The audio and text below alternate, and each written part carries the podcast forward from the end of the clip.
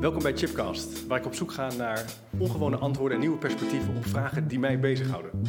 De vraag die vandaag centraal staat is: kunnen teams functioneren zonder formele leider? Is dat mogelijk of is het een soort sprookje? En dat gesprek ga ik voeren met Frank Hul Hulsbos. Uh, Frank, ontzettend leuk dat je er bent. Ja, dankjewel. Leuk In de uitzending. Ja, ik ben vereerd dat ik eh, weer mag aanschuiven, Chip. Echt ja. hartstikke mooi. Aflevering 3. Uh, eh, een best wel principiële vraag. Uh, bijna een soort emancipatievraag die we vandaag gaan verkennen samen. Um, is het mogelijk uh, dat teams samenwerken zonder dat daar een vorm van formeel leiderschap... I iemand centraal de boel aanstuurt. Ja, en de andere vanuit een soort bovengeschiktheid vertelt hoe het moet. Ja. Of dat mogelijk is. Ja, ik denk zeker dat dat mogelijk is. Het vraagt wel misschien om bekwaamheden die je niet zo makkelijk leert in een situatie waar er wel iemand is die fungeert als formeel leider, scheidsrechter. Oké. Okay. maar daar kunnen we uitgebreid op ingaan. Ja. Wat voor bekwaamheden zouden dat dan bijvoorbeeld zijn? Nou, bijvoorbeeld een, om iets te noemen, een, een bekwaamheid die we niet uh, makkelijk uh, uh, leren in een situatie waarin iemand heel duidelijk de baas is, en dat ook altijd is, is de bekwaamheid om een ander ook invloed te gunnen. We denken bij leiderschap altijd aan leiderschap naar je toe trekken, hè, de kaart trekken en leiderschap laten zien. Ja. Maar we hebben het eigenlijk nooit over volgerschap en de bekwaamheden en de kwaliteiten die je in moet zetten om een goed volger te zijn. Okay. Maar dat is in een situatie waarin er geen formele leider is, een hele belangrijke bekwaamheid. Ik zag jullie bijvoorbeeld net aan het werk, uh, jij en Ivar, de technicus, hè, ja, die uh, ja. jou helpt om die chipcast voor elkaar te krijgen. En ik vond het heel leuk om te zien dat jij niet alleen maar het werk, want hij heeft duidelijk meer expertise op de technische kant van de podcast dan jij. Dat zou je kunnen zeggen, ja. Dat, op dit moment nog wel, in Zeker, ieder geval. Ja.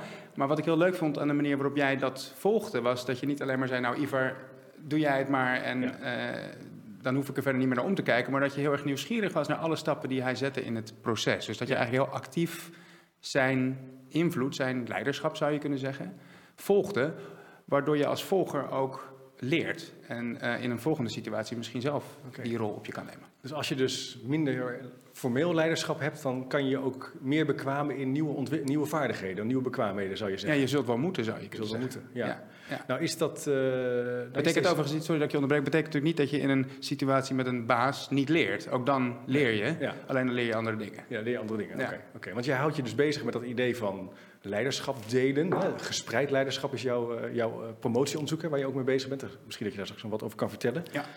Um, ik, ben wat vraag, ik heb die een oproep gedaan op Twitter en op LinkedIn van, nou, je kan vragen stellen aan Frank. En ik merkte heel veel vragen daarover van, ook wel een beetje een kritische kant van, ja, organisaties hebben toch gewoon een manager en uh, structuur. Mensen moet, er moet iemand de baas zijn, anders wordt het een soort totale chaos. Ja. Um, zou je iets kunnen zeggen over de beweging van dit leiderschapsthema, dat gespreid leiderschap, en waar dat vandaan komt? Uh, en, en of dat antwoord kan bieden op dat ook wat die kritische reactie die mensen hebben op, uh, ja. op het nieuwe thema. Ja.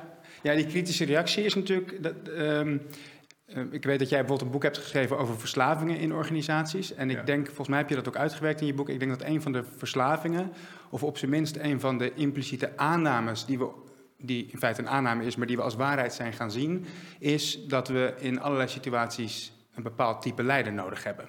Okay. En dus dat we altijd uh, dat, dat leiderschap eigenlijk voorbehouden is aan een bepaald soort mens, een select groepje mensen, en dat die ons, ja, ja. niet-leiders, mensen die niet over die uh, leiderschapskwaliteiten beschikken, uh, dat die ons de weg kunnen wijzen. je moet een visie hebben, hè? dat wordt al van visie, Visionair is een, uh, ja. een, kwaliteit die we zeker met leiders associëren, maar bijvoorbeeld ook charisma. Daadkracht en actiegerichtheid. Zeker okay. in teams zie je heel vaak dat mensen die actiegericht zijn, dus makkelijk beslissingen nemen, dat die door de andere teamleden ook de leidende rol toegeschoven krijgen. Uh, eigenlijk ja. dat het gevraagd wordt door de andere ja. teamleden dat die, dat soort personen de leiding nemen. Maar dat is in feite ook um, het hoger waarderen van dat soort kwaliteiten ten opzichte van kwaliteiten uh, zoals uh, nou, verdiepende vragen kunnen stellen of een proces kunnen vertragen of uh, onderzoeksmatig kunnen werken. Allemaal ja. dat soort kwaliteiten die je net zo goed zou kunnen zien als leiderschapskwaliteiten. Okay, ja, want die op een bepaald moment nodig zijn. We, natuurlijk, uh, we moeten vooruit, hè? Organisatie willen, ja. ja. die klant die verandert, die wereld verandert. Dus er moeten knopen worden doorgehakt. En als iemand dan zegt, nou, we gaan naar links, we gaan naar rechts. Ja. Dan denken dus, we al gauw, dat is echt een goede leider. En jij zegt, nou, dat is een vorm van leiderschap. Maar de vraag is of andere vormen, andere bekwaamheden ook niet diezelfde uh, waardering, waardering verdienen. Exact, ja. Als je in ieder geval ervan uitgaat dat voor uh, constante verbetering en vernieuwing van het werk, dat is natuurlijk is natuurlijk talloos onderzoek op te noemen waar dat weer in naar voren komt, dat dat vraagt om de kennis en expertise en de perspectieven van heel veel verschillende soorten mensen. Ja. Jouw eigen proefschrift laat dat bijvoorbeeld ook zien. Ja. Ehm, dus als je, dat je uitgangspunt is, ehm, en bijvoorbeeld niet een sterke focus op efficiency of uh, je voegen naar gezag omdat het werk voorspelbaar is, dan zou mijn idee zijn, dan moet je ook andere gedragingen, andere kwaliteiten en andere uh, persoonskenmerken gaan zien als kenmerken waar, op basis waarvan je invloed uit kunt oefenen, leiderschap okay, nou, laten zien. Even daar, over dat leiderschap en dan even dat thema van gespreid leiderschap. Misschien de rottigste vraag voor iemand die aan het promoveren is. Geef even een definitie van gespreid leiderschap. Ik ben overigens tijdens mijn promotieperiode ben ik ermee weggekomen om altijd te, te antwoorden. Dat moet ik nog even Hij is in ontwikkeling. Ja, in ontwikkeling. maar, maar, toch even, zou je ons even kunnen helpen? Wat zou jij zien als een werkbare definitie van gespreid leiderschap? Ja, nou dan, daar kan ik wel iets over zeggen. Uh, dan eerst iets over het leiderschap. Want dat is natuurlijk ook een begrip wat op heel veel verschillende manieren geoperationaliseerd of gedefinieerd wordt. Ja. Maar wat ons betreft gaat het bij leiderschap om het vermogen om invloed uit te oefenen op anderen, op collega's, met het oogmerk om een gedeeld doel te bereiken, een bepaald doel te bereiken. Oké. Dus daar zit de factor invloed in, het uitoefenen van invloed op iemands manier van denken of iemands perspectief, op iemands werk. En de factor um, ja, het, het, realiseren van een bepaald doel. Ja. En als je nou, dat dan ziet als leiderschap, dus het uitoefenen van invloed, dan zou je kunnen zeggen dat het bij gespreid leiderschap erom gaat dat je invloed uitoefent op basis van de kennis en expertise en ook de affiniteit die je hebt met een vraagstuk en de kennis en expertise die op een specifiek moment nodig is. Ja, dus je kijkt eigenlijk telkens als team of als groep, wat hebben wij op dit moment te doen en welke vaardigheden of welke bekwaamheden vraagt dat en wie in onze groep kunnen wij dan het beste het leiderschap toekennen. Oké, dus het gaat over invloed uitoefenen op een doel. Ja. En je zegt het is gespreid, maar dat het in een team plaatsvindt en het leiderschap wordt gegeven op basis van expertise. Die in een specifieke situatie nodig is. Dat is erg belangrijk. Geef eens een voorbeeld.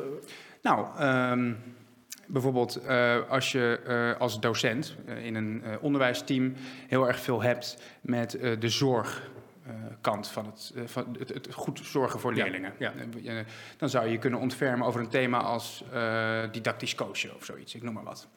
Als je meer met de vakinhoud hebt, als Engels docent, ik noem maar wat, dan ben je iemand die juist invloed uitoefent op het terrein van het ontwikkelen van nieuw lesmateriaal. En okay, dan ben jij daar, nou, noem maar iets. Maar het kan ook zijn, ik vind een prachtig voorbeeld van een docent met wie ik nu veel samenwerk, uh, van een uh, school in Hilversum, het Comenius College. Ja. Sean Keller heet hij. Die. die is docent klassieke talen, maar die ontfermt zich nu ook over hoe er binnen de hele school samengewerkt wordt tussen mensen. Dus hij maakt zich zorgen okay. over, werken we nog wel goed met elkaar samen?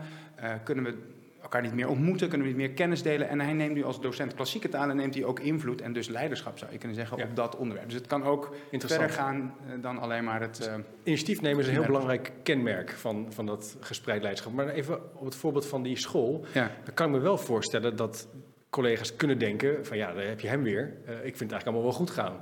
In die oude wereld kon die baas gewoon zeggen: jongens, uh, we gaan naar een training uh, effectief samenwerken. Ja. Uh, en lekker, hij bepaalt het of hij of zij. Ja. Maar hierbij is het dus niet zo.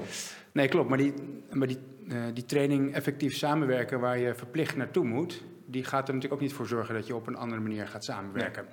Maar het is wel zo, daar ben ik helemaal, daarin kan ik je helemaal volgen, dat die docent die zo'n initiatief neemt, op basis van een vraagstuk dat hij tegenkomt en de behoefte die hij voelt om dat te verbeteren, dat dat natuurlijk om andere vaardigheden vraagt ja.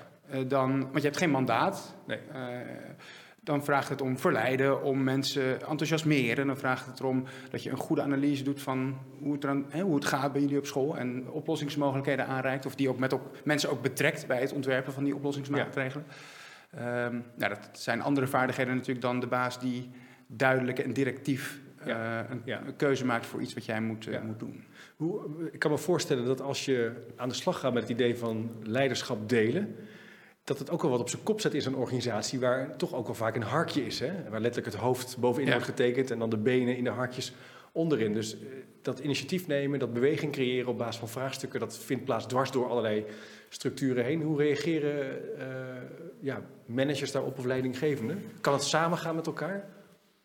Ja, ja ik, ik, ik zou gespreid leiderschap niet per se willen zien als iets wat helemaal anders is dan formeel leiderschap. Wat mij betreft betekent gespreid leiderschap dat je probeert om zoveel mogelijk ruimte te scheppen voor invloed op basis van een grote diversiteit aan kwaliteiten, kennis en expertise. En daar is de schoolleider of de teamleider ook een onderdeel van. Ja dus het is wat mij betreft niet zo dat gespreid leiderschap er is voor de docenten, voor de medewerkers. Oh en dat je daarnaast ook het formele leiderschap nee. hebt. Een soort extra coördinatiemechanisme wat in die school plaatsvindt. Je zegt dat is niet zo. Nee, wat mij betreft moet je, dat zien als een, moet je een organisatie zien, het leiderschap in een organisatie zien als een praktijk die je met elkaar vormgeeft. En daarbinnen zijn zeker in uh, de meeste scholen en de meeste organisaties op dit moment formele leiders en leiders of mensen die geen formele leidinggevende nee, positie hebben. De informele leider wordt er wel die heb je natuurlijk ook, de onderwijswereld genoemd, maar ook wel... Uh, in een commerciële organisatie, mensen die op basis van inhoud een positie hebben. Ja. ja, maar ik merk dat er eigenlijk heel veel belangstelling is voor dit thema onder leidinggevenden. Ja, ja.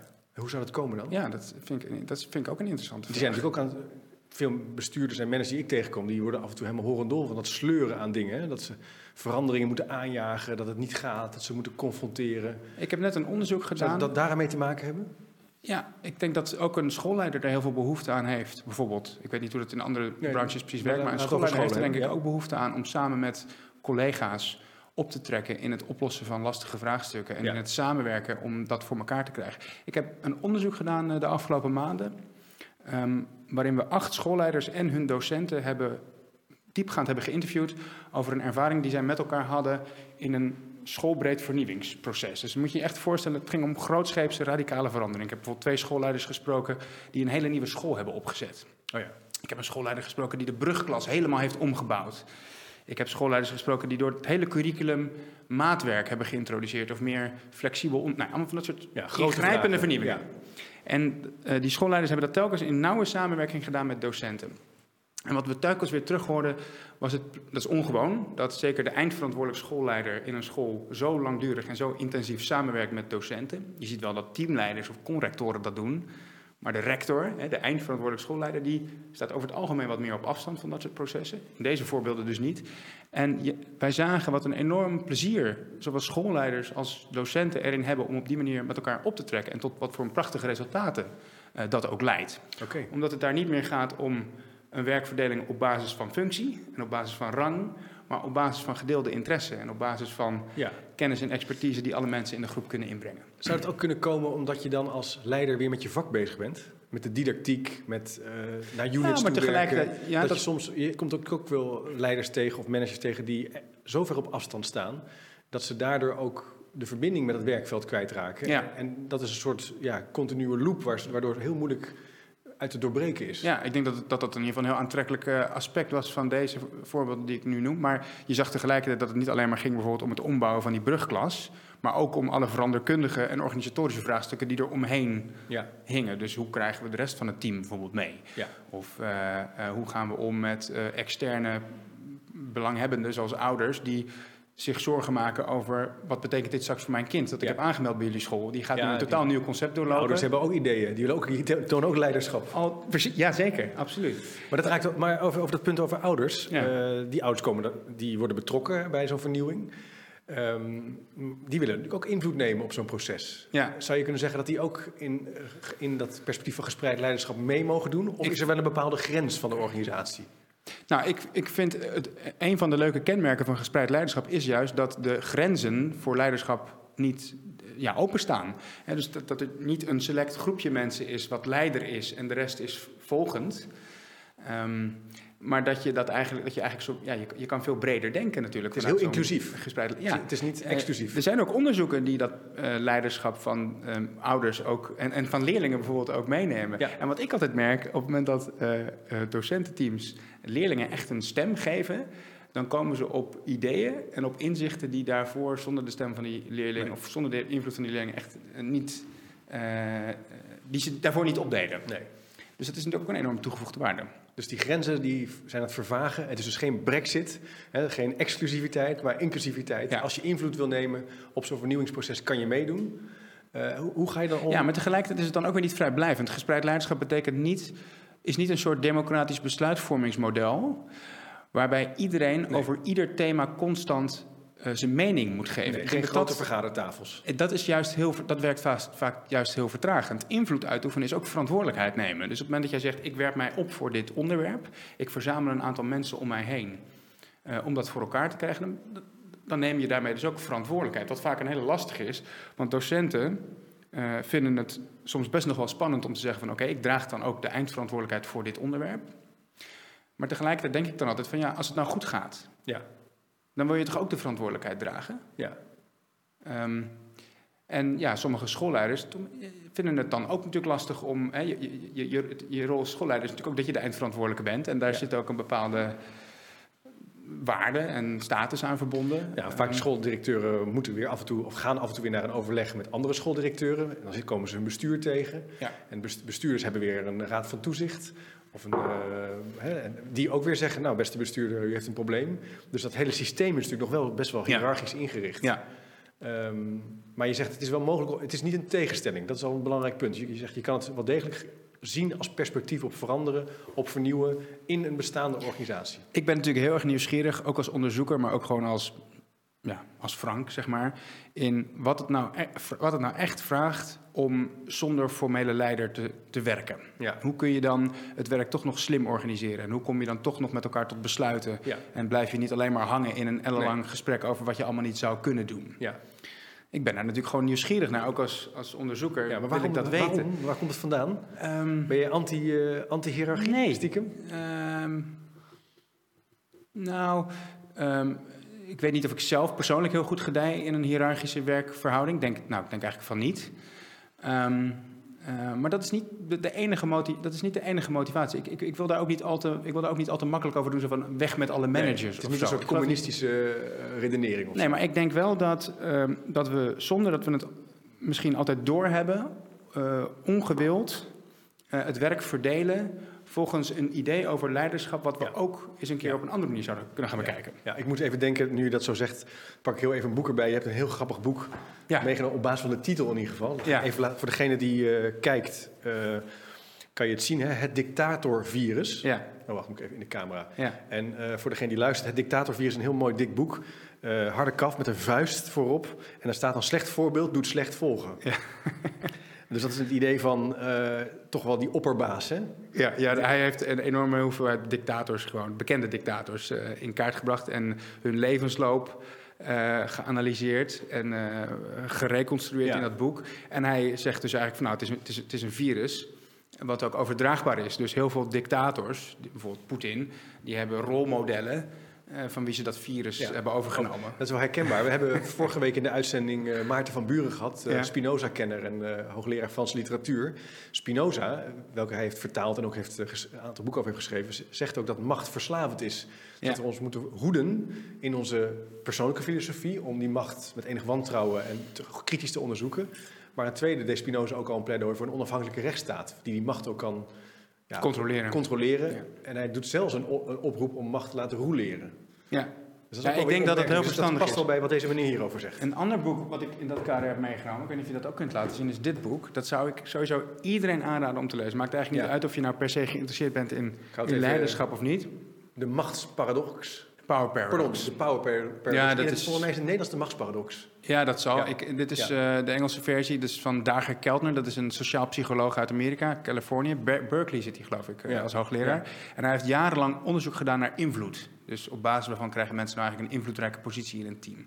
En hij concludeert op basis van al dat onderzoek dat uh, mensen die een focus hebben op anderen, dus die empathisch zijn en die bezig zijn met het ja, het, het, grotere goed, zeg maar, wat voor de groep belangrijk is, dat dat de mensen zijn die duurzaam invloed krijgen toegekend door de groep. Dus het zijn eigenlijk kwaliteiten die we niet zo snel associëren met leiderschap. Maar dat, zijn, maar dat er iets paradoxaals optreedt, en dat noemt hij dus de power paradox, dat mensen die over langere tijd invloedrijk zijn, eigenlijk ander gedrag gaan vertonen dan het gedrag op basis waarvan ze in eerste instantie die invloedrijke positie hebben gekregen. Ze veranderen. Ja, ze veranderen van een focus op de ander, empathie, Um, Altruïsme, dat je een beetje let op die anders precies. en hoe die, uh, hoe die erbij zit en hoe het met hem gaat. Dat zijn dus de kwaliteiten op basis waarvan ze in eerste instantie die invloed hebben toegekend gekregen. Na verloop van tijd raken ze juist meer op zichzelf gericht. Ja. En worden ze eigenlijk egoïstischer en verliezen ze het doel van de groep steeds meer uit het oog. Dat noemt hij de power paradox. Dus het paradoxale van dat je op basis waarvan je invloed toegekend, toegekend krijgt, uiteindelijk verliest en ander gedrag gaat laten zien. En dat je je daar als leider, of je nou informeel of formeel leider bent, zou je kunnen zeggen, heel erg bewust van moet zijn. En eigenlijk ja, bijna een soort nederigheid zou je kunnen zeggen, moet weten te bewaren. Je wordt onbewust, word je een baas. Ja, dat is in ieder geval wat hij concludeert hij zegt. op basis van... En je verliest dus eigenlijk het vermogen waarmee je het eerder kreeg. Ja, als je je daar niet van bewust bent en als je dat niet... Ehm, misschien ook Fascinerend. feedback- Ja, dat vond dat, ik vond dat een waanzinnig interessant. Me- eh, dat is ook een, het is een heel heel, erg leuk boek. En het is ook wel een paradox in die zin zoals je het omschrijft. heb je het ook gelezen? Ja, ik ken het. Oh ik, ja, ken het oké, wel. ja. ik heb het in het Nederlands gelezen. Ehm hey Frank, vind je het leuk? Ik zou eigenlijk graag een brugje maken naar een van de vragen. Ja, heel Want goed. ik heb, eh, wat, wat ik al vertelde, vragen uitgezet. Of, vraag uitgezet. Eh, heb je een vraag voor Frank over gespreid leiderschap? Nou, er zijn er meerdere. Ik zou graag de eerste even aan je willen voorleggen. Eh, die vraag is van Peter Lonen. En Peter stelt de vraag, welke thema's lenen zich in het onderwijs het best voor gespreid leiderschap? Denk bijvoorbeeld aan toetsing, aan stage of aan loopbaanbegeleiding. Maar zijn er ook algemenere teamtaken geschikt om in het gespreid leiderschap eh, dat als proces vorm te geven?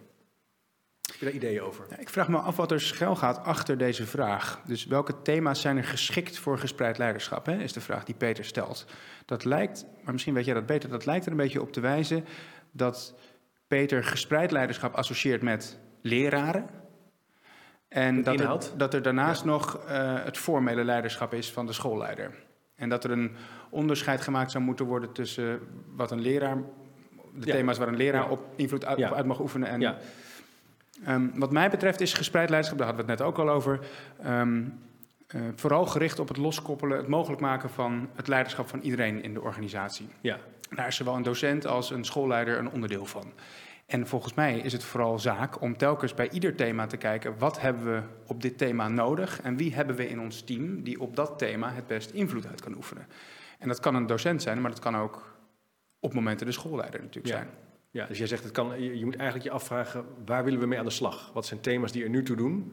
Ja, Eh, en jij, zei- jij zou dus niet geneigd zijn om een verschil te maken tussen toetsing en een stage. Of de, de teamverzorging en een aantrekkelijk werkgezelschap voor elkaar zijn. Of Nou, ik denk dat je nog verrast. Ja, ik, ik, ik vraag me af. Ik kreeg vorige week donderdag ook een vraag van een groep schoolleiders: van wat is nou uiteindelijk nog echt alleen maar van de schoolleider? Dus waar moet de schoolleider zich nou sowieso over ontfermen?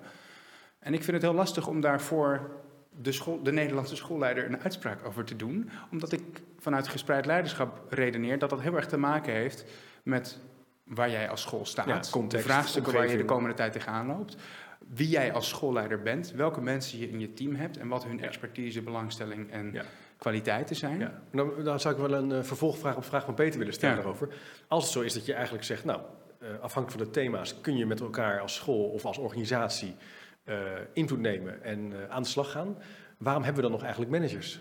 Want managers krijgen in de regel, coördineren wordt in de regel hoger ge- gewaardeerd in de loonschaal, laat ik het zo maar even zeggen, Ja. dan eh vakinhoudelijk met Ja, maar als je nu bijvoorbeeld kijkt naar het beroepsprofiel schoolleiders, waarin vijf competenties worden onderscheiden door, eh, voor schoolleiders. Dat, is, dat heb ik niet bedacht, maar dat heeft de VO-raad Ja. eh, in samenwerking met de beroepsgroep Ja. geformuleerd. Dan is er één competentie die echt een beetje meer dat managerial aspect heeft, dus het realiseren van een goede organisatie voor het Ja. primaire proces. Maar daarnaast eh, vragen we ook van onze schoolleiders dat ze goed in staat zijn om een visie uit te dragen. Dat is een andere competentie. En dat ze goed in staat zijn om de samenwerking en het leren tussen mensen te stimuleren. Dat Ja, maar zijn- jij zegt eigenlijk, dat doen, kan iedereen doen.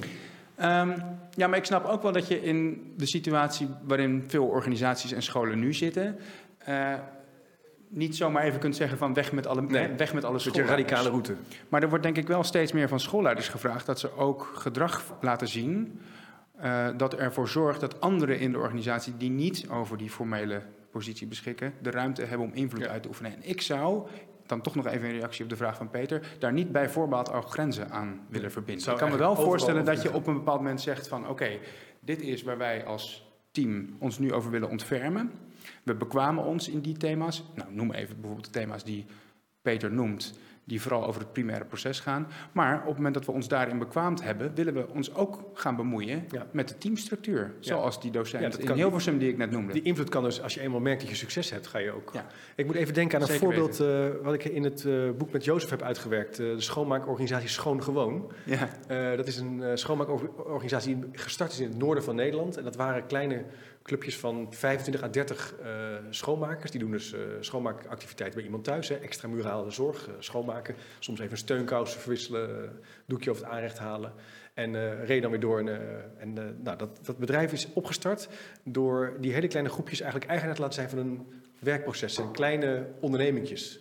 En boven de 25 à 30 dan splitsen ze zich af En dan ontstaat er weer een nieuwe onderneming. En inmiddels zitten ze door heel Nederland. Het lijkt een beetje op buurtzorg Nederland. Ja. Is geen over, overhead, er is geen centrale coördinatie, behalve een hele kleine groep die het werk makkelijk maakt qua logo's en uh, bijvoorbeeld uh, andere dingen. Maar verder doen ze, Ja, ze hebben wel wat dat betreft dus een, een, een, ze hebben eenzelfde huisstijl Ja, enzovoorts. Ja. bijvoorbeeld. En, ehm, dat is dus, en dat werkt heel goed. Ja. Eh, en het blijkt ook dat die mensen eh, bijvoorbeeld, wat opmerkelijk is, dat ze minder ziekteverzuim eh, laten zien. Eh, maar ook meer betaald krijgen. Eh, ze houden dus ook meer over. Want ja, ja, overhead, veel minder overhead. Minder overhead. Ja. Dat roept, dan kom ik ook weer terug op het vorige punt. Van, eh, het zou misschien, la- op steeds meer plekken laten we wel zien dat het kan. Ja. Eh, zelfs op plekken waarvan mensen ook wel zeggen, nou dat zijn mensen die dat helemaal niet van nature Ja. kunnen. Die hebben wel degelijk leiding nodig. Ja, ja. Eh, een laag, laag, laag, laag eh, opleidingsniveau associëren we met eh, dat zijn mensen die sturing die hebben nodig sturing nodig. En Terwijl diezelfde mensen in hun privéleven eh, eh, verjaardagsfeestje voor, verjaardagsfeestjes organiseren voor 40 kinderen. ja, dus die kunnen En daar de leiding in nemen. Ze vinden het vaak wel moeilijk, want je moet, wel over, je moet een weekplanning maken, je moet aan de slag. Maar mijn vraag is eigenlijk dan, waar gaat dit naartoe, dat gespreid leiderschap? Als zo'n school of als een organisatie steeds meer initiatief begint te nemen. eh, dat de veranderingen en de innovaties om te blijven bestaan niet meer afhankelijk zijn van de, van de manager. Zullen we dan plattere organisaties krijgen? Of zeg jij dat er altijd wel toch een vorm van formele hiërarchie zal zijn? Ehm, ik, ik, ehm, ik denk dat we op dit moment nog wel erg, over het algemeen in de meeste scholen, wel erg eh, eh, behoefte hebben. En ook denken in termen van we hebben een formele leider nodig. Die over, in ieder geval over een aantal thema's uiteindelijk wel de eindbeslissing neemt. Ja. En we merken ook steeds meer dat dat dus zijn beperkingen heeft. En we zien ook ehm, eh, hoeveel plezier mensen erin kunnen hebben als ze meer ruimte krijgen om eh, als team autonoom invloed uit te oefenen op thema's die voor hun Ja. belangrijk zijn. Ja, En dat schoolleiders er dus ook plezier in beleven als leraren eh, op bepaalde terreinen invloed uit te oefenen en eh, dingen overnemen die niet alleen maar meer bij de schoolleider terechtkomen. Dus ik denk dat hoe meer dat groeit en hoe meer we niet zozeer het erover hebben. Kijk, het is natuurlijk heel leuk om het er nu met elkaar over te hebben, maar vooral ook er ervaring mee Ja. opdoen in de praktijk. Niet zozeer vanuit het idee, we moeten nu gespreid leiderschap gaan doen of zo. Meer vanuit het idee, we lopen tegen een aantal hele lastige vraagstukken aan binnen Ja. onze organisatie. En het lukt ons niet meer om dat alleen maar Nee. met een klein groepje mensen Nee. te doen. We hebben daar het enthousiasme en de kennis en de expertise van veel meer mensen voor nodig. En op het moment dat we steeds meer ervaringen opdoen met dat soort Ja. processen. En ook onderweg ontdekken wat dat lastig maakt. Want Ja. ik, ik, ik denk echt niet dat dit een soort halleluja-verhaal is. ehm, wat alleen maar leuk is. Ik denk zelfs dat het heel lastig gaat worden Ja. om dat eh, ja, eh, in de praktijk te brengen. En dat je dan ook echt tegen eh, jezelf aan gaat lopen. Of dat Ja. je tegen de geschiedenis van de organisatie Ja. aan gaat En lopen. het, Die het vraagt ook wel meer afstemming, meer ontmoeting, hè, ja, tijd. Om zeker weten. Ontmoeting en samenwerking, wat in het onderwijs zeker natuurlijk lastig is. Want 75% of 70% van je tijd als docent ben je, in de meeste scholen althans, Ja. individueel bezig met je klas. Ja. Eh, ja, gaat, dan, heb je helemaal geen behoefte aan gespreid leiderschap. Nee. Dan wil je gewoon je, je lessen doen. En daarna Ja. wil je zo min mogelijk tijd kwijt zijn aan andere dingen. Want je moet je eh, toetsen nakijken en je lessen voorbereiden Ja. voor de volgende dag. Nou, wat natuurlijk wel, aan, wat wel gaande is in, in veel scholen waar ik dan kom, is dat het idee van één klas, één leerkracht wel echt voorbij aan het gaan is. Hè? Ik was gisteren op een school waar s ochtends de opstart gezamenlijk is in groep 7 en ze dan tien kinderen gaan dan naar groep 8. Daar waren ook weer tien kinderen, die kunnen weer wat beter rekenen, die gaan weer bij elkaar. En, dus je krijgt toch het idee van een school waarin constant groepjes worden gemaakt. Dat En zal zie, je, ook- en zie je ook dat leraren dan samen groepen ja, dat, dat is de consequentie volgens Ja, mij, dat die dus ook meer uitwisselen. Dus het idee dat je vroeger een leerkracht had die groep 8 had, Ja, en dat 20 jaar de- deed, dat is wel voorbij aan, aan het gaan. En Volgens mij zijn ze zich veel meer, en dat moet ook wel vanuit de korte, aan specialiseren op een inhoudelijk thema. Heel Ja. goed in rekenen of heel goed in. Ja, en je, ziet, en je ziet ook op heel veel basisscholen en trouwens ook in, op middelbare scholen zie je dat ze eh, eh, met grotere groepen leerlingen werken, waar meerdere leerkrachten tegelijkertijd eh, les aan geven. Ja. En dan kan, kan het Ja. zijn dat er op bepaalde momenten instructie wordt gegeven aan de hele groep, maar dan weer Ja, in een kleiner hoekje Ja. één docent die een bepaalde groep Ja. eh, Ja. nog wat dieper op iets ingaat. Hè? Dat Dus, is wel een andere vraag, maar daar hebben we nu geen tijd voor. Is dat dat toch wel druk zet op de instructietijd? Hè? Want uiteindelijk hebben kinderen ook gewoon wel een instructie nodig om iets te leren. Dus. Dat, maar goed, dat moeten we een andere keer. Ik wilde graag doorgaan naar nog een andere vraag. Die van Peter hebben we even verkend. Hè? Mijn punt over die financiën ook wel. Eh, Debbie Dussel eh, stelt de vraag. eh, zij is overigens leerkracht in het basisonderwijs. Welke voorwaarden heb je nou nodig om tot gespreid leiderschap te komen? Heb je bijvoorbeeld een bepaalde professionele cultuur nodig? Eh, dus ik vermoed dat zij zegt, nou, ik heb hier wel interesse in, ik zou hier wel meer van willen in mijn school. Ja. Hoe kan ik beginnen? Mooie vraag. En wat trouwens grappig is, is dat heel veel van het onderzoek naar gespreid leiderschap ook zich vooral focust op die vraag. We doen veel minder onderzoek naar wat levert dit nou eigenlijk op. Ja, ja. En we kijken vooral naar wat is het concept nou eigenlijk en binnen welke voorwaarden kan het groeien. Kan het zich ja, tot ontwikkeling komen eigenlijk. Dus daarmee zeg je, het onderzoek, de onderzoekers gaan er dus eigenlijk bij wijze van spreken al vanuit dat het tot mooie resultaten zou moeten leiden. Dat is natuurlijk op zich ook wel een interessante gedachte. En dat zit misschien ook inderdaad wel achter die vraag. Uh, ik denk um, dat je ook gewoon moet gaan doen. Uh, en niet zozeer vanuit het idee, wij willen in onze school gespreid leiderschap, want daar gaat natuurlijk geen docent op aan. Dat vind ik leuk, dat vind ja, jij leuk. Ja. Maar ja, voor een docent niet... en voor een schoolleider zijn andere vraagstukken relevant. Okay. Maar je kunt wel, terwijl je experimenteert met het oplossen van allerlei vraagstukken waar je tegenaan loopt, reflecteren op hoe je het doet vanuit de opvatting van gespreid leiderschap. En die opvattingen kunnen je waarschijnlijk helpen om innovatiever, met meer plezier, meer in samenwerking dat soort vraagstukken op te lossen. En inderdaad, een professionele cultuur is daarbij een, een, een essentieel onderdeel, zou ik zeggen. Uh, op veel scholen zie je toch ook nog wel dat het heel gezellig is, hè? even uh, oneerbiedig gezegd. En dat is trouwens ook prima. Ik kan me heel goed voorstellen dat je zeker als leraar veel kunt hebben aan steun en, en, ja, het gevoel en, van en een goede sfeer onder, ja. in het team. Maar daarbovenop, of wat, wat dat soms lastig maakt binnen scholen, is om ook um, op een professionele manier uh, met elkaar te werken. En ja. bepaalde verwachtingen ook te hebben van de professionaliteit van je collega's. En elkaar daar ook op durven en kunnen aanspreken.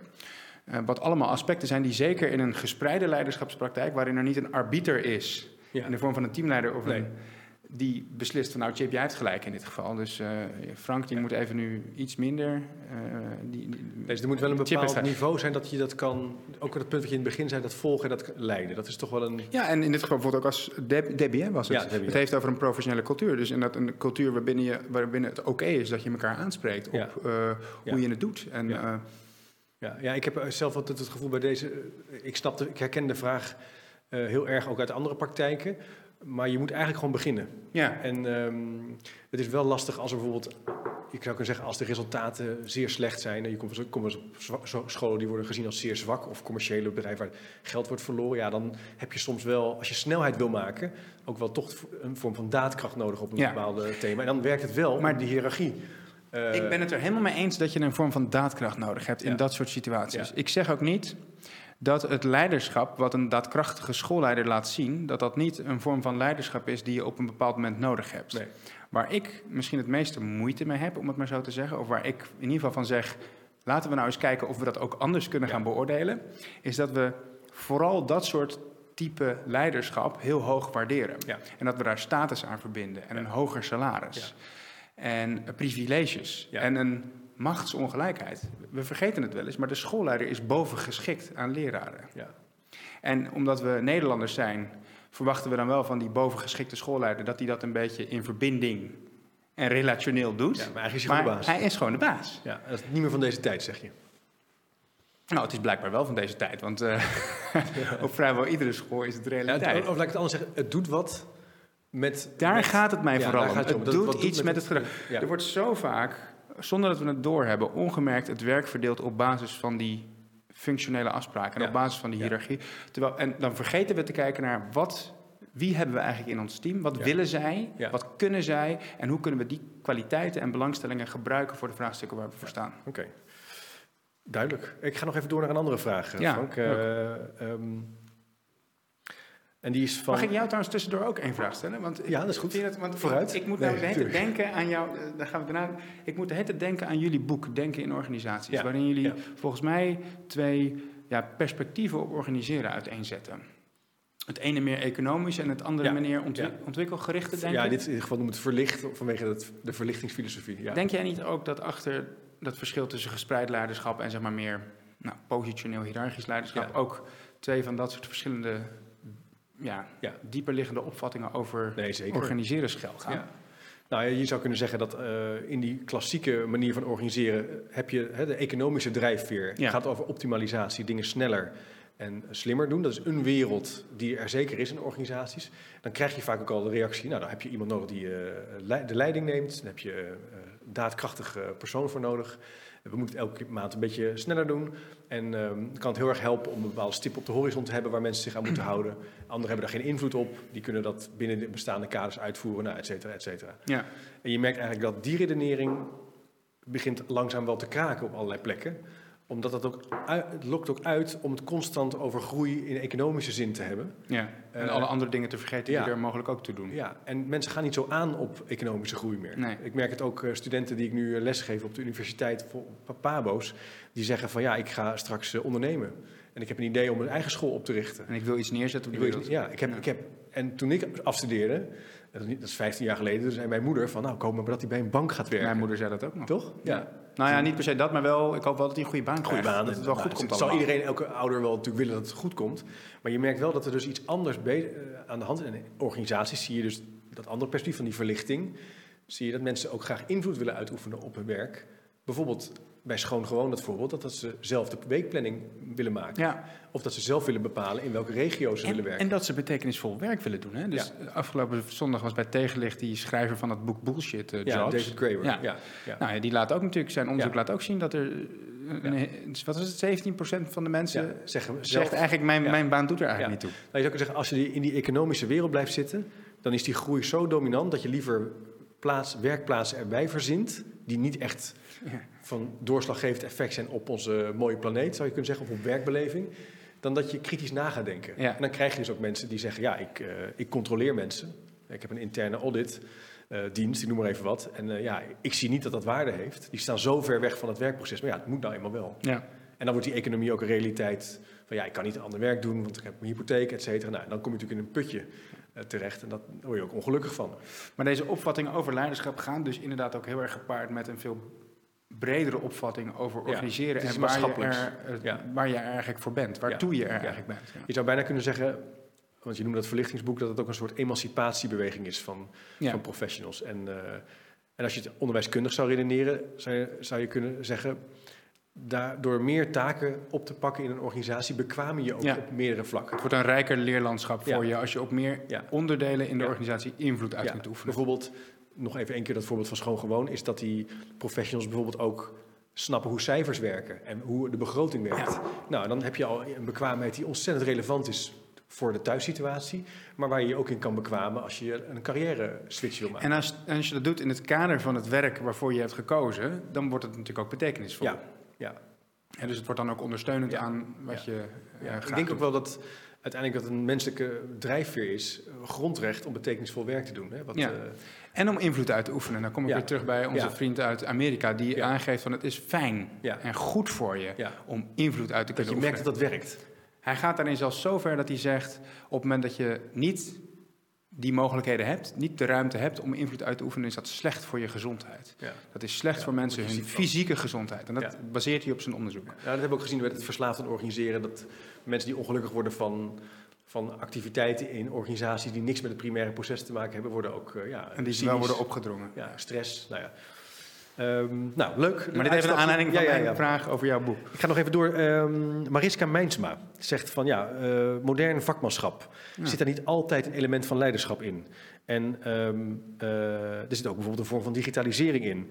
Uh, dus hoe zit in dat nieuwe vakmanschap? Zit niet in vakmanschap altijd een vorm van leiderschap? ik, ik denk dat we het erover eens zijn dat dat, dat, dat, dat inderdaad zo is. Ja. dat je niet meer kunt zeggen van uh, in het onderwijs bijvoorbeeld. Um, als docent heb je je gewoon helemaal te schikken naar het primaire proces en daarbuiten heb je helemaal niks te vertellen. Ja. Uh, je ziet dat docenten, uh, het ook steeds meer docenten, zeker jonge docenten, nou ja, dat, mag ik, dat moet ik misschien niet zo zeggen, dat is onzin. Dat heeft niet alleen maar met leeftijd te maken, maar misschien wel te maken met uh, de mogelijkheden die je nog ziet voor jezelf. En misschien dat dat bij jonge mensen vaak wat meer is dan bij mensen die al heel lang in een organisatie werken waarin er te vaak iets niet mogelijk eh, bleek te zijn. Um, dat, uh, dat docenten ook behoefte hebben om buiten de klas ook uh, invloed uit te oefenen en hun stem te laten horen en initiatieven te nemen. Nou ja, je zou kunnen zeggen, als je. Ik heb gisteren dus uh, een dag op een school doorgebracht. waarin ik een leerkracht heb gezien die al heel lang leerkracht is. Hè, dus die is al voor mij jaartje 55. Maar die wel een werkomgeving heeft gecreëerd waar ze invloed uitoefent. Waar ze allerlei nieuwe dingen bedenkt. En Mondriaan tegeltjes maakt met een kunstenhuis en erop oh, uitgaat. Maar die, daar voel je ook van, die neemt invloed. Ja. Voor haar is, dat, is die school helemaal niet onbegrensd door dat klaslokaal. Ja, precies. Um, ik kan me voorstellen als je een leerkracht bent die lange tijd gewend is geweest dat er, dat, dat dus niet kan. Ja. Of dat je binnen je klas ruimte hebt met die kinderen, Ja. maar daarbuiten eigenlijk heel weinig. Ja, dat, is Dat je dan ook langzaam een beetje professioneel uitdooft. Ja, dat denk ik ook, ja. dat je dan, ja, het zal, het- Ah, ja. heb ik, drie, ik heb drie keer initiatief genomen. Je trekt je dan terug in de laatste vesting waar je nog autonomie ervaart. Ja, en dat, is je een- klaslokaal. En dat is natuurlijk een prachtige vesting. Hè? Tuurlijk, maar ehm, ik moet dan bijvoorbeeld denken aan mijn tante... die eh 40 jaar in het onderwijs heeft gewerkt. Met ontzettend veel bevlogenheid. Ieder jaar weer, jaar in jaar uit, een groep van 30 leerlingen. Hè, jonge kinderen, eh, weer een jaar Ja, verder heeft. ja, fantastisch, ja, geweldig werk. Die dat gewoon voor elkaar krijgt.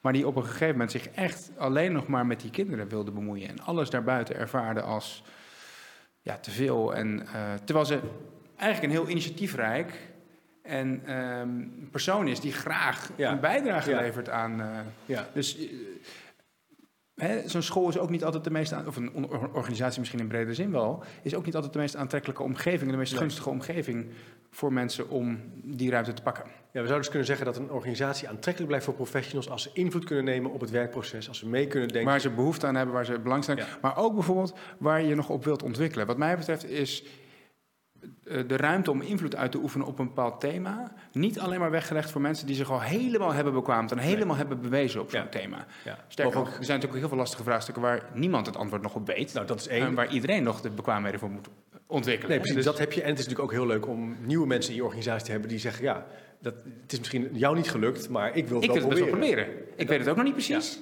Ja. En dan is dat leiderschap nemen ook een vorm van leren.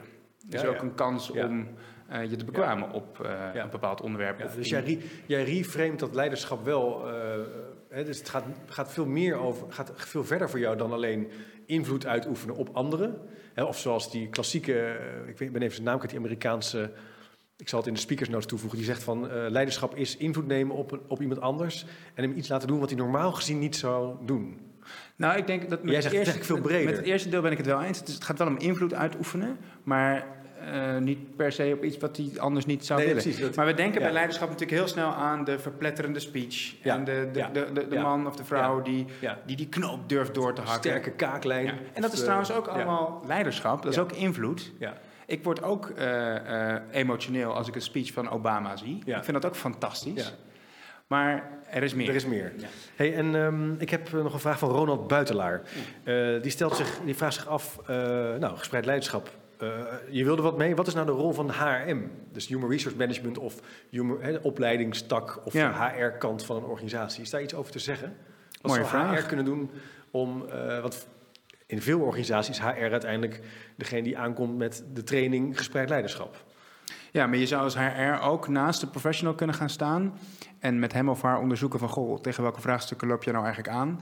En welke kwaliteiten zou je willen inzetten of hoe zou je met elkaar dat vraagstuk kunnen oppakken op zo'n manier dat iedereen er een wezenlijke bijdrage aan kan leveren. Dus je dichter op het werk gaat zitten. En dan probeer je eigenlijk misschien ehm, vanuit HR ehm, ehm, rondom het werk een proces van gespreid leiderschap Ja. te stimuleren, Ja. zonder dat je het per se over gespreid leiderschap Nee. hebt. Zo van, jongens, we gaan nu gespreid leiderschap doen. Nee, het zou ook, daar zeg je ook iets van dat een HR-tak zich niet meer inhoudelijk zou moeten bemoeien met wat er nodig is, maar eigenlijk in dat werk mee moet lopen, mee moet kijken en daaruit zijn expertise, opleidingsexpertise, eh HR-expertise moet gebruiken om. Nou, wij, jij houdt natuurlijk ook, wij houden ons trouwens allebei, maar jij ook heel erg bezig met leren in organisaties. En ook met name de informele kant van het leren. Ja. En het scheppen Ja. van condities waarbinnen mensen gedurende het werk kunnen leren. Ik weet niet hoe jij dat ziet, maar ik kan me best wel voorstellen dat je dus zo'n perspectief van gespreid leiderschap kunt gebruiken om het leren in het werk eh, nog meer de ruimte Ja. te geven. Ja, dus HR-professional zou eh, met het gespreid leiderschap aan de slag kunnen om nog meer dat werk als uitgangspunt voor leren te zien. Ja, En naast diegene te gaan staan en uit te nodigen om mee te doen. Ja. ja, ja. ja. Dat kan ik me eens wel voorstellen. Leuk. Ja. Ehm, nog een vraag van Simon van der Veer. Oh, die kennen we. Ja, die ken je wel. Die komt ook in de uitzending overigens. Die zegt van ja, dat gespreid leiderschap, weer een nieuw thema. Ja. Chargeer een beetje. Hè?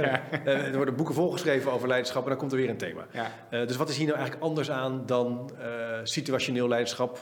Eh, nou ja, ik wil niet in een al te zware conceptuele discussie Nee, of gesprek mag een beetje. verzeilen, maar er is een wezenlijk verschil tussen situationeel en gespreid leiderschap. Situationeel leiderschap ehm, betekent dat je als leider je gedrag aanpast aan de medewerker of de situatie. Dus bijvoorbeeld de ene medewerker heeft meer een harde hand nodig en de andere medewerker heeft meer een coach, ik noem maar iets. en, dat je, en dat je goed in staat bent als leider. En dat is ook onderzoek wat zich richt op de formele leider. Dat je, tenminste in het onderwijs. Ik ken niet onderzoek naar situationeel leiderschap buiten het onderwijs, maar nee. situationeel okay, onderzoek. Je zegt van dat richt zich op de formele leider. Dat ligt op de, en, en, hoe hij of zij zijn gedrag kan aanpassen al naar gelang de situatie, wat de situatie vraagt. Bij gespreid leiderschap gaat het om dat je als groep met elkaar kijkt. Wie kan er op dit moment het beste invloed uitoefenen? Wie gunnen we op dit moment de leidende rol? Ja. Uh, en daarbij komen dus uh, ja, allerlei aspecten ook uh, die dat mogelijk maken kijken. Ja. je, kijkt, je ziet leiderschap niet alleen maar meer als het leiderschapsgedrag van de individuele leider, maar ook het volgerschap van ja. volgers is daar een onderdeel van. En ook de situatie waarin uh, een team zich bevindt is een onderdeel van het leiderschap. Um, maar de vraag van Simon was, is het nou niet gewoon weer een nieuw thema? Ik ben er inderdaad heel erg bang voor dat het een besmette term wordt. Ja. Als ik, als ik zo eerlijk mag zijn. Dat hebben we natuurlijk ook gezien met zelforganisatie. Ik mocht, was op een gegeven moment werkte ik bij een, uh, thuiszorg, uh, een, een thuiszorgorganisatie. Ja, ja waar uh, we het toch wel over zelfsturing mochten hebben, maar niet meer over zelforganisatie. Omdat dat begrip zelforganisatie eerder helemaal besmet geraakt was. en ik zie dat nu so ook... We tried it, it didn't work. Ja, en ik zie dat nu ook bij, uh, bij, bij sommige scholen. En ik denk dat het probleem erin zit dat we het concept te, te veel heilig, te ja, veel op ja, voetstuk plaatsen. Er wordt, er, wordt mee aan de haal gegaan. Ja. Aan de andere kant... Maar de principes die daarachter schuil gaan, ja. Uh, die je in staat stellen om met relevante inhoudelijke thema's aan het werk te gaan en daar invloed op uit te oefenen, dat is denk ik iets waar, wat nooit uit de mode raakt. Nee, je zou kunnen zeggen, is het erg dat er nieuwe thema's komen? Dit vak staat in ontwikkeling, we, besteden een derde van onze ik, dag besteden we aan een organisatie, waarom niet? Maar ik deel wel de zorg met Simon, als dat tenminste zijn zorg ook is, in ieder geval mijn zorg, dat zo'n begrip op een gegeven moment besmet raakt ja. om het begrip. En omdat we het begrip te veel aan het opdringen zijn. Terwijl het in feite gaat om met elkaar gave dingen doen. Met elkaar invloed uitoefenen op het werk. En um, de ruimte hebben om op thema's de leiding te kunnen nemen. En dat zou nooit uit de mode moeten raken? Dat, wat mij betreft niet, nee. Nee, oké, oké, leuk. Leuk Frank, om zo over te Ja, vind ik ook. Ja. Hoe, hoe, uh, hoe klinkt het eigenlijk voor jou? Want jij hebt natuurlijk ook al jarenlang ervaring met uh, organisatieadvies, onderzoek naar innovatie en verbetering en vernieuwing. Ja, ik vind het een, uh, het is een thema wat ik al wel met lange tijd met belangstelling volg. Ik, ik, ik, ik, zou het, ik ben ook wel geneigd om te plaatsen vanuit die emancipatiebeweging. Ja. Ik wel zie dat mensen gewoon ook wel klaar zijn met, niet zozeer met management, maar met de zinloze activiteiten rondom klassieke aansturing. Hè. Dat het boek Verslaafd en Organiseren staat vol met gewoon echt waar gebeurde verhalen. Hè. Strategiebijeenkomsten, functierollen, taken, verantwoordelijkheden, innovatie, workshops die niet werken, uh, dat je verplicht naar trainingen moet. Ik zou zeggen, uh, Laten we daar ook eens iets anders Ja, organisaties zijn een beetje dom geworden. Of mensen in organisaties worden een beetje dom en denken niet meer na over hoe kan ik nou direct impact en invloed uitoefenen op mijn werk. Ja. En daar is dit denk ik een thema. Uh, wat ontzettend kan bijdragen. Ik zie, wat ik er lastig aan vind nu ik meer in scholen kom, is dat uh, sommige scholen staan natuurlijk ook gewoon slecht voor. Ja. Uh, hebben bijvoorbeeld staan, zijn zeer zwak. Of hebben vier managers gehad, of is een lerarentekort. Of, ik ben in Brabant recent geweest, krimp, fusie, nou ja, overname dan wordt, het al, wordt er natuurlijk al gauw teruggegrepen op de klassieke interventies die er zijn. En dan heb je het nog over, over scholen die echt in zwaar weer verkeren. Ja. En als je dan gewoon naar een normaal goed functionerende, goed presterende school kijkt... en dan kijkt hoe, het er, hoe een week van een gemiddelde leraar eruit ziet... dan word je ook horrendol. Ja. Uh, Er, zijn natuurlijk geen, er, zijn, er, bestaat geen enkele andere organisatie... waar het, je dagritme zo wordt bepaald door een bel. Ja, ja. iedere drie kwartier gaat er een bel. En dan moet je weer ergens anders zijn. Ja, ik sprak gisteren... Dus je, je autonomie is daarin eigenlijk heel klein. Ja, je hebt, je hebt die klaslokaal en een, een, een juf of een, eh, leerkracht zei gisteren van... Uh, ja, je hebt ongeveer vier, vijf uur per dag. Uh, en dat is al helemaal vol met nou, leren lezen, begrijpend lezen... voorbereiden op een, op een toets, werkje maken...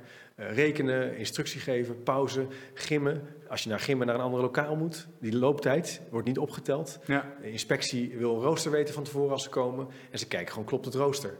Nou, dus, hè, en als het rooster niet klopt en je bent zwak heb je gewoon een heel groot probleem. Al meteen. Hè? Ja. Dus daar zit een hele moeilijke kant aan uh, om, om dat te doorbreken. En dan heb je echt wel daadkrachtige leiders nodig. En je hebt dus ook mensen nodig die durven zeggen van... hé, hey, al, die, uh, al die, die, die randfactoren, al die structuuronderdelen in onze school... Daar moeten we daar niet eens gewoon even heel kritisch naar gaan kijken? Ja, kijken wat er allemaal moet. Hoe kan het ook anders? Ik uh, bezocht de Ellen Turing School vorige week. Uh, is een school die. Uh, Eva Nijkens heeft een boek geschreven. Wat als we nou gewoon weer les gaan geven. Het onderwijsboek van het jaar geworden. Ja. En daar zie je eigenlijk ook een school die ontzettend goed functioneert in twee jaar tijd. Maar dat zijn ook, uh, is een team geweest die vooral heel veel niet is gaan doen. Ja. dus die hebben echt gezegd, dat doen we niet, dat doen we niet, dit doen we wel. De kwaliteitskaarten, Keuzes goed onderwijs, maken. keus maken. Dus dat is wel een... Uh, maar ik, ik, vind het een ontzettend uh, leuk en boeiend thema.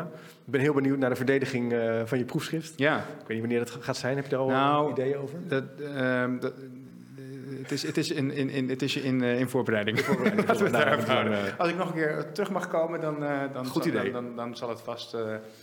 Uh, zal ik er vast een antwoord hebben op deze vraag? Nou, dat zeker doen. Frank, uh, ontzettend bedankt voor het, voor het leuke gesprek. We komen al een beetje aan uh, richting het eind van ons gesprek, maar ja, Dank we komen zeker nog een keer door op, de, op het thema. Um, nog even voor de luisteraars en de kijkers. Ik zal de boeken, links, voorbeelden van de organisatie hebben genoemd, in de speakers notes opnemen. Kan je dat nog even rustig teruglezen.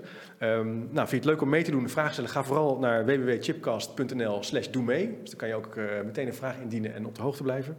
Ehm, ik ga nu met mijn linkerhand langzaam naar het knopje van de muziek. Uh, en dan, uh, dus dan gaan we dat zo langzaam horen. En dan zou ik zeggen, bedankt voor het kijken.